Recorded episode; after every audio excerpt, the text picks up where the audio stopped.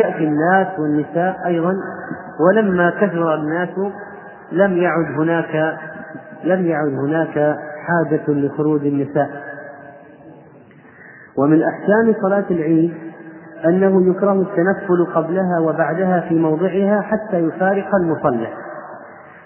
لقول ابن عباس رضي الله عنه خرج النبي صلى الله عليه وسلم يوم عيد فصلى ركعتين لم يصلي قبلهما ولا بعدهما متفق عليه.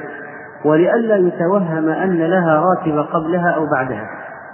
صلاة العيد ليس لها لا سنة قبلية ولا بعدية. قال الإمام أحمد رحمه الله أهل المدينة لا يتطوعون قبلها ولا بعدها. وقال الزهري رحمه الله لم أسمع أحدا من علمائنا يذكر أن أحدا من سلف هذه الأمة كان يصلي قبل تلك الصلاة ولا بعدها وكان ابن مسعود وحذيفة ينهيان الناس عن الصلاة قبلها. فإذا رجع إلى منزله فلا بأس أن يصلي فيه لما روى أحمد وغيره أن النبي صلى الله عليه وسلم كان إذا رجع إلى منزله صلى ركعتين. كان إذا رجع إلى منزله صلى ركعتين. ويسن لمن فاتته صلاة العيد أو فاته بعضها قضاؤها على صفتها بأن يصليها ركعتين. بتكبيراتها الزوائد لأن القضاء يحكي الأداء. يعني إذا فاتته صلاها ركعتين بتكبيراتها كما يصليها الإمام. ولعموم قوله صلى الله عليه وسلم فما أدركتم فصلوا وما فاتكم فأتموا. فإذا فاتته ركعة مع الإمام أضاف إليها أخرى. فماذا بالنسبة إذا جاء والإمام يخطب؟ ماذا بالنسبة إذا جاء والإمام يخطب؟ الجواب إذا جاء والإمام يخطب جلس لاستماع الخطبة فإذا انتهت صلاها قضاء بعد ذلك. صلاها قضاء بعد ذلك. ولا بأس بقضائها منفردا أو في جماعة. ولا بأس بقضائها منفردا أو في جماعة. فبعض الناس من جهلهم يأتون يصلون جماعة والإمام يخطب. الإمام يخطب وهم يكبرون. هذا من جهلهم. ينبغي إذا جاءوا وقد بدأ الإمام في الخطبة أن يجلسوا لاستماع الخطبة فإذا انتهى الإمام قاموا فصلوا جماعة أو فرادة ويسن في العيدين التكبير المطلق وهو الذي لا يتقيد بوقت. يرفع به صوته. إلا الأنثى فإنها لا تجهر به. فيكبر في ليلتي العيد وفي كل عشر ذي الحجة. لقوله تعالى ولتكملوا العدة ولتكبروا الله على ما هداكم. فالفقهاء يقولون التكبير للعيد يبدأ من بعد المغرب ليلة العيد. لأنه قال في الآية لتكملوا العدة ولتكبروا الله على ما هداكم. فمتى تكتمل عدة رمضان؟ بغروب شمس آخر يوم. اليوم لما غربت الشمس اكتملت العدة أليس كذلك؟ إذا نكبر بعدها. لأنه قال في الآية ولتكملوا العدة ولتكبروا الله على ما هداكم. ويجهر به في الأسواق والمساجد والبيوت وفي كل موضع يجوز فيه ذكر الله تعالى. ويجهر به بالذات في الخروج إلى المصلى. لما أخرجه الدار قطني وغيره عن ابن عمر أنه كان إذا غدا يوم الفطر ويوم الأضحى يجهر بالتكبير حتى يأتي المصلى ثم يكبر حتى يأتي الإمام. ثم يكبر حتى يأتي الإمام. فإذا ينبغي الحرص على التكبير. وكان النبي صلى الله عليه وسلم يكبر يوم الفطر من حين يخرج من بيته حتى يأتي المصلى. وكان صلى الله عليه وسلم يخرج في العيدين رافعا صوته بالتهليل والتكبير. وهذا من الأحاديث الصحيحة. وقد جمع الفريابي رحمه الله كتابا في أحكام العيدين ذكر فيه هذه ذكر فيه كثيرا من الأحاديث المتعلقة بالعيدين ومنها التكبير. وعن الوليد بن مسلم قال سألت الأوزاعي ومالك بن أنس عن إظهار التكبير في العيدين قال نعم كان عبد الله بن عمر يظهره في يوم الفطر حتى يخرج الإمام. وصح عن أبي عبد الرحمن السلمي أنه قال كانوا في الفطر أشد يعني التكبير في الفطر أشد من التكبير في الأضحى. يعني في القوة والملازمة والحرص عليه كانوا في الفطر أشد منهم في الأضحى يعني التكبير. هذا صحيح إلى أبي عبد الرحمن السلمي رحمه الله تعالى. وذكرنا كذلك رواية الدار قطني عن ابن عمر أنه كان إذا غدا يوم الفطر ويوم الأضحى يجهر بالتكبير حتى يأتي المصلى ثم يكبر حتى يأتي الإمام. وصححه الألباني في إرواء الغليل.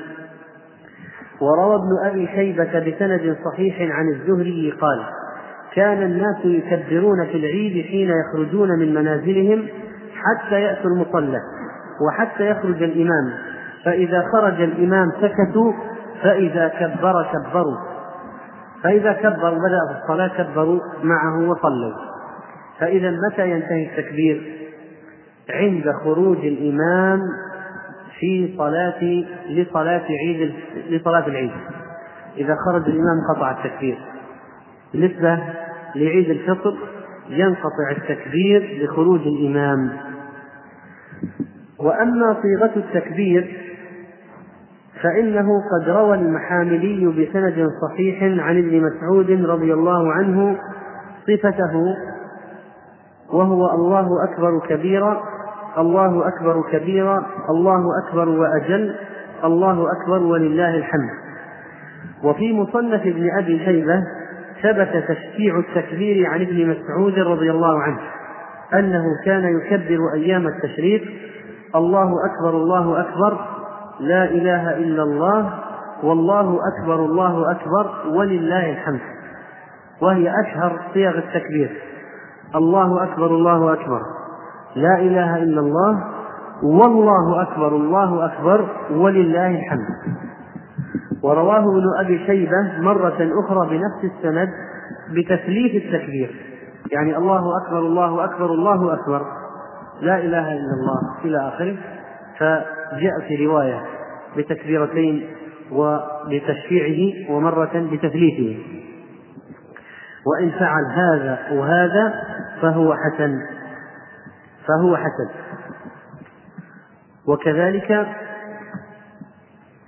فإن التكبير في عيد الفطر كما قلنا آكد لأجل الآية ولتكملوا العدة ولتكبروا الله على ما هداكم. هذا جاء في سياق؟ صيام رمضان. ولتكملوا العدة يعني عدة رمضان. ولتكبروا الله على ما هداكم. لكن هناك فرق في التكبير بين عيد الأضحى وعيد الفطر أن عيد الأضحى فيه مشروعية التكبير المقيد وهو التكبير الذي شرع عقب كل صلاة فريضة في جماعة فيلتفت الإمام إلى المأمومين ثم يكبر ويكبرون. ثم يكبر ويكبرون. ويبتدئ التكبير المقيد بأدبار الصلوات في حق غير المحرم من صلاة الفجر يوم عرفة إلى عصر آخر أيام التشريق. وأما المحرم فيبتدئ التكبير المقيد في حقه من صلاة الظهر يوم النحر إلى عصر آخر أيام التشريق لأنه قبل ذلك مشغول بالتلبية. هذا تفصيل الفقهاء في التكبير المطلق والمقيد بالنسبة لعيد الأضحى.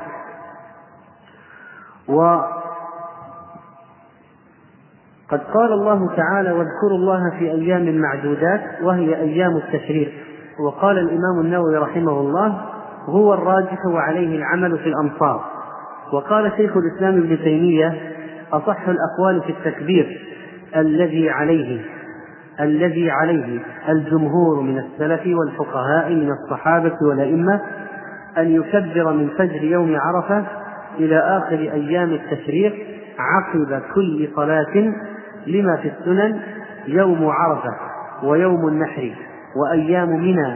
عيدنا أهل الإسلام عيدنا أهل الإسلام. وهي أيام أكل وشرب وذكر لله. وكون المحرم يبتدئ التكبير المقيد من صلاة الظهر يوم النحر وليس من فجر يوم عرفة كما يفعل المقيم ذلك لأن التلبية لا تقطع إلا برمي جمرة العقبة ووقت رمي جمرة العقبة المسنون ضحى يوم النحر فكان المحرم فيه كالمحل. فلو رمى جمرة العقبة قبل الفجر فلا يبتدئ التكبير إلا بعد صلاة الظهر أيضا عملا بالغالب. انتهى كلام شيخ الإسلام ابن تيمية رحمه الله تعالى. ومن السنة ومن السنة أن النبي صلى الله عليه وسلم أن النبي صلى الله عليه وسلم كان يخرج إلى العيد ماشيا ويرجع ماشيا. وفي حديث آخر كان يخرج إلى العيدين ماشيا ويصلي بغير أذان ولا إقامة ثم يرجع ماشيا من طريق آخر. وفي رواية كان إذا خرج يوم العيد في طريق رجع في غيره. وفي رواية كان إذا كان يوم عيد خالف الطريق. إذا السنة أن يخرج ماشيا لا يركب. يأتي المصلى ماشيا وهو الأكثر أجرا وهو الأفضل ولا شك. وهو الأفضل ولا شك. لكن إن شق عليه المشي لبعد المصلى فإنه يمكن أن يوقف سيارته مثلا في أقرب مكان يمكن أن يمشي منه أو في مكان يمكن أن يمشي منه إلى المسجد ويمشي ليحافظ على المشي ليحافظ على سنة المشي ليحافظ على سنة المشي. وإن قال إنسان ما فائدة ما فائدة مخالفة الطريق؟ ما فائدة مخالفة الطريق؟ فالجواب إن مخالفة الطريق في العيد لها عدة فوائد. منها ذكر العلماء عدة حكم في في مسألة مخالفة الطريق. منها ليسلم على أهل الطريقين. ومنها لينال بركة المشي فيهما يشهدان له عند الله. يومئذ تحدث أخبارها والأرض تخبر بما عمل عليها من خير أو شر. ومنها ليظهر شعائر الإسلام في كل الفجاج والطرق في هذا وفي هذا.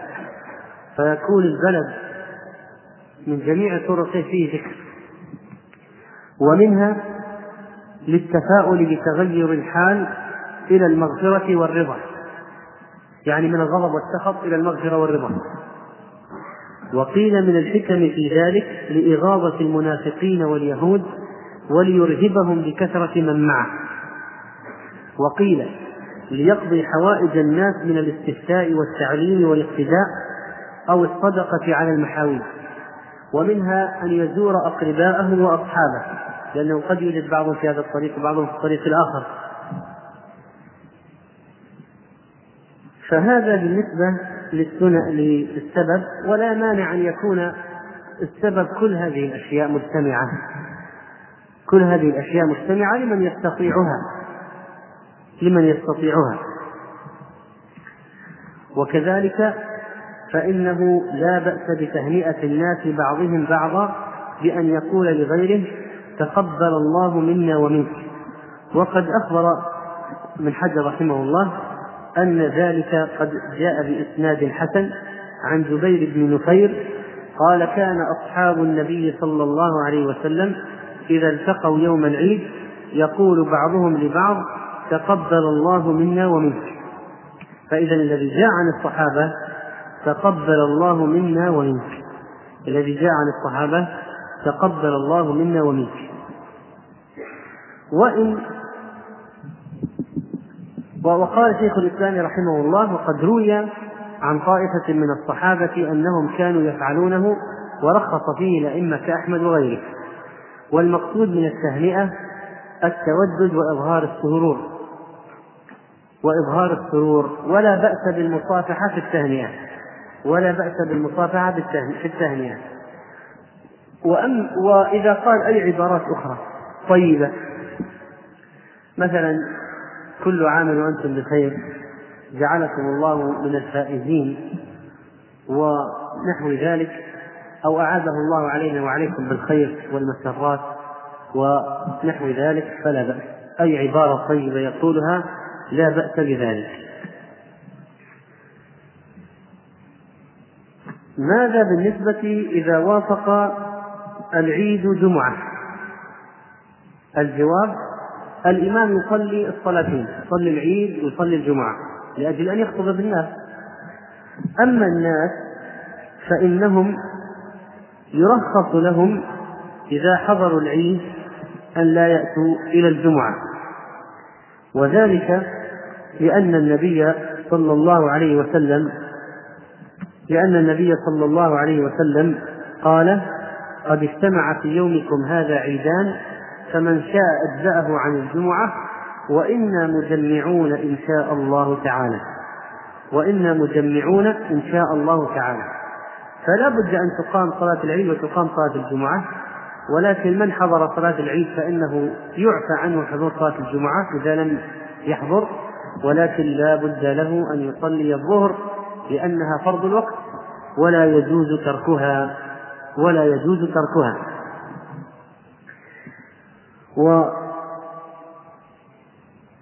وكذلك فإنه لا بد من المحافظة على السنة فرصة العيد العيد فرصة للمحافظة على السنة التمسك بالسنة وكسب الأجر من وراء ذلك.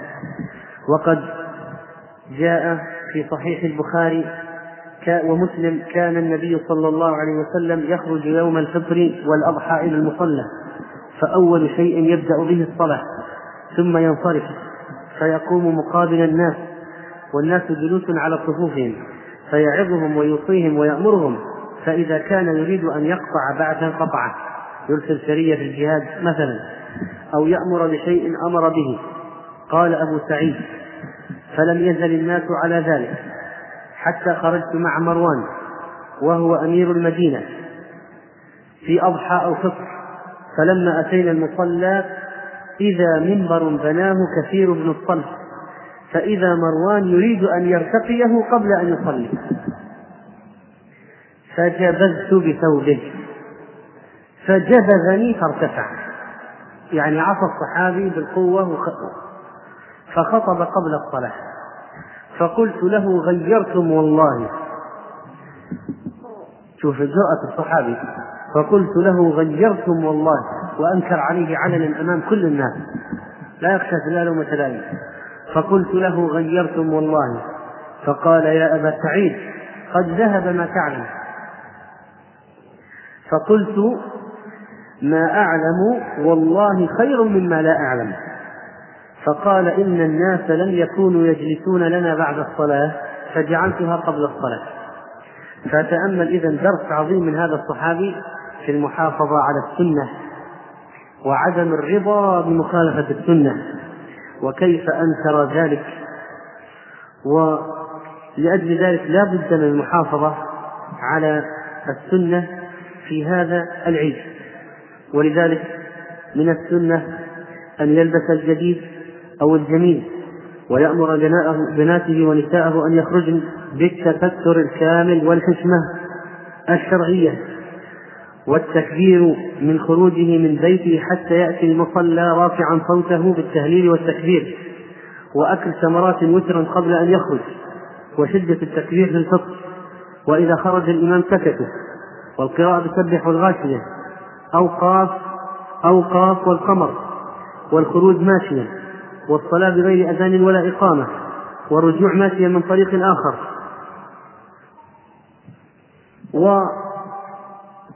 وغير ذلك من السنن التي تقدم ذكرها ينبغي المحافظة عليها. ينبغي المحافظة عليها. واعلموا رحمكم الله تعالى أن الفرح بالعيد سنة. إظهار الفرح بالعيد سنة. ولكن الناس أنفسهم يظلمون. ولذلك صارت هناك كثير من المخالفات الشرعية. صار هناك كثير من المخالفات الشرعية. ولا بد أن نشير إشارة إلى هذا الموضوع وهو مسألة اللهو وما يجوز منه وما يباح في العيد. فقد روى البخاري رحمه الله تعالى عن عائشة قالت دخل علي رسول الله صلى الله عليه وسلم وعندي جاريتان تغنيان. زاد مسلم بدف فاضطجع على الفراش وحول وجهه. ودخل أبو بكر فانتهرني. وقال مزمارة الشيطان عند النبي صلى الله عليه وسلم يستنكر. فأقبل عليه رسول الله صلى الله عليه وسلم فقال دعهما فقال دعهما. وهذا يدل على جواز ضرب النساء بالدف في العيد وعلى جواز الغناء بالمباحات من الكلام والشعر في العيد لكنه لا يدل ابدا على استخدام الموسيقى والمعازف في العيد فإن المرخص به هو الدف. وأبو بكر قال مزمارة الشيطان حتى استنكر حتى الدف حتى أمره النبي عليه الصلاة والسلام عن بالكف عن الإنكار. ولا حجة في الحديث ابدا لسماع غناء النساء فإن عائشة قالت وعندي جاريتان والجاريتان يعني بنتان صغيرتان. فأين غناء الجاريتين؟ الصغيرتين. بشعر فيه ذكر الحرب أو الكلمات المباحة. بدف أين هذا من غناء النساء الكبيرات بالمعازف والعود والطبل والكمنجة وغير ذلك من الآلات الوترية والكهربائية وغيرها من أنواع المعازف؟ وسماع الرجال لهذا. ومع الأسف إن الذين يجيزون الغناء الموسيقي وغناء النساء الكبيرات وسماع الأغاني يستدلون بهذا الحديث فتبا لهم على استدلالهم وسعة لهم على طريقتهم المنحرفة. فإنها جاريتان فإنهما جاريتان صغيرتان تضربان بالدف بكلام مباح. أين هذا من غناء النساء الكبيرات بالأصوات الفاتنة بالكلام الماجن وذكر الحب والغرام ووصف النساء والتشديد بهن وذكر الحب والعشق ونحو ذلك من الألفاظ السيئة عند الرجال؟ أين هذا من هذا؟ فإذا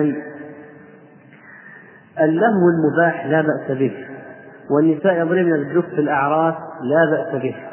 وفي الأعياد لا بأس به. وفي توابع الأعراس لا بأس به. وفي توابع الأعياد لا بأس به.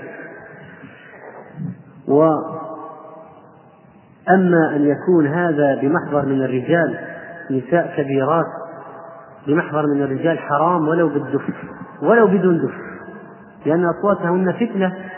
أصوات النساء الكبيرات فتنة للرجال. يحرك الشهوة ويبعث على الفتنة. يحرك كل كامل. ولذلك فإن تهييج الكامن وتحريك الساكن بالغناء المحرم لا شك أنه مما يسخط الله تعالى. فلا حجة في هذا الحديث أبدا لغناء النساء لسماع الرجال لأغاني النساء الكبيرات والبالغات بالأصوات الفاتنة بهذه الكلمات الماجنة بالأدوات الموسيقية المختلفة. أما اللهو المباح جوار صغيرات بنات صغيرات يغنين بأهازيج وأناشيد مباحة فلا بأس به. كذلك فإن إعطاء الفرصة للأهل للمتعة المتعة المباحة لا بأس به. عن عائشة كما في البخاري كان يوم عيد يلعب فيه السودان بالدرق بالدرق والحراب. فإما سألت النبي صلى الله عليه وسلم الحبشة كانوا في المسجد يتمرنون على أدوات الحرب. التروس والحراب ولهم فيها فعل معين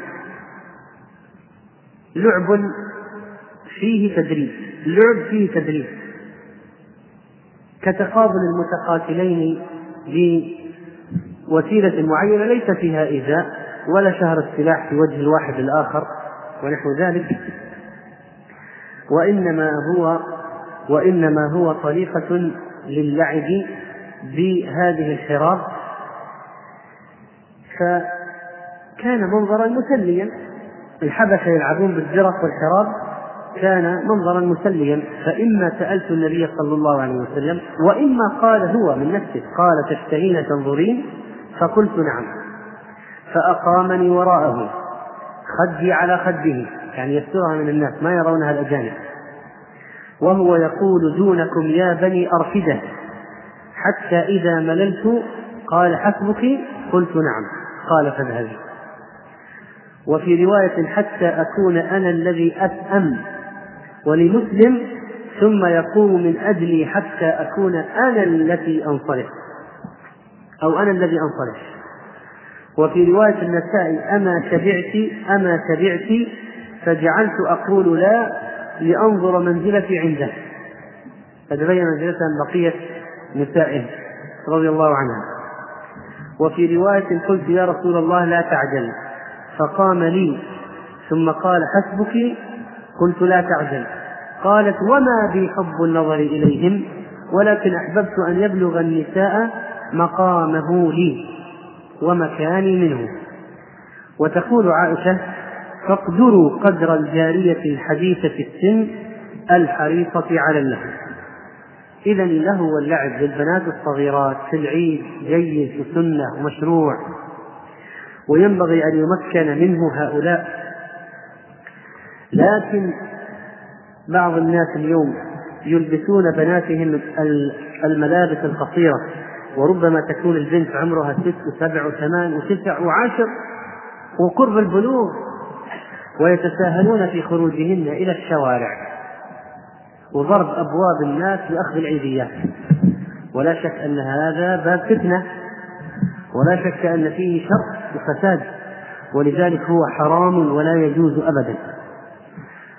لكن أن يدعى البنات إلى بيت من بيوت صديقاتهن المأمونة الموثوق بأهلها فيلعبن مع بعضهن البعض.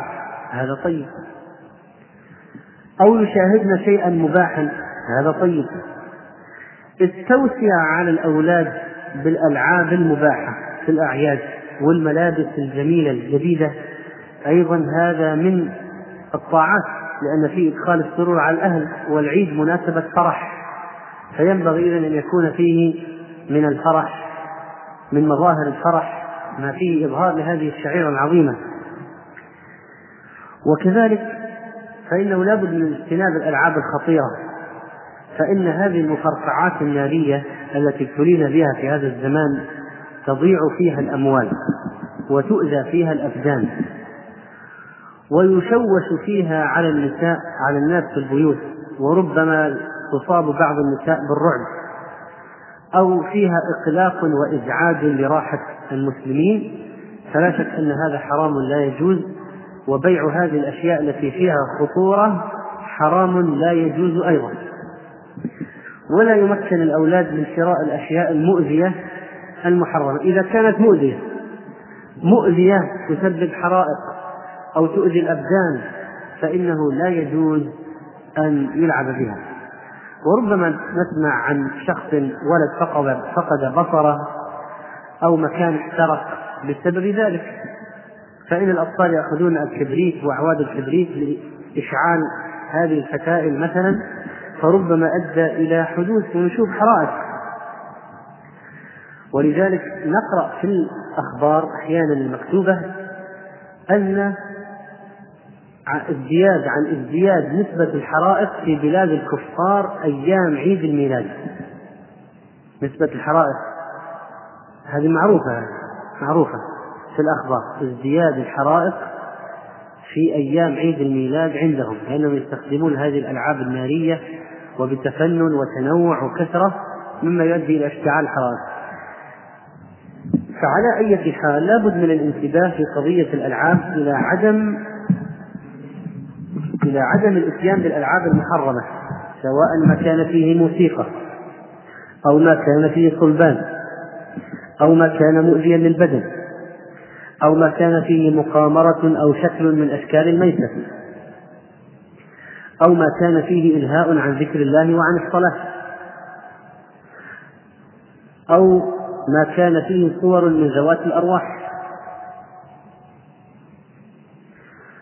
فإذا المنكرات الموجودة في الألعاب كثيرة. أو ما كان فيه نرد فإن النبي صلى الله عليه وسلم أخبر أن من لعب بالنردشير أو بالنرد فقد عصى الله ورسوله أو كأنما صبغ يده في لحم الخنزير ودمه كما جاء في الحديث الصحيح. إذا ينبغي اجتناب الألعاب المحرمة والمؤذية والحرص على الألعاب المباحة المفيدة التي فيها تسلية وفيها إدخال للسرور على الأولاد وتمتيع الأولاد ما أمكن بالفرجة المباحة والفسحة المباحة والاجتماع بين الأولاد وإظهار الزينة المباحة ونحو ذلك هذا مشروع ينبغي عدم خلطه بالممنوع. هذا ما تيسر ذكره في أحكام صلاة العيد وبعض الآداب المتعلقة بالعيدين. ونسأل الله سبحانه وتعالى أن يرينا الحق حقا ويرزقنا اتباعه وأن يتقبل منا الصيام والقيام وأن يجازينا بذلك الجزاء الأوفى وأن يجعلنا في ختام هذا الشهر من عتقائه من النار. أقول قولي هذا وأستغفر الله لي ولكم وصلى الله وسلم على النبي الأمي محمد وآله وصحبه أجمعين والسلام عليكم ورحمة الله وبركاته.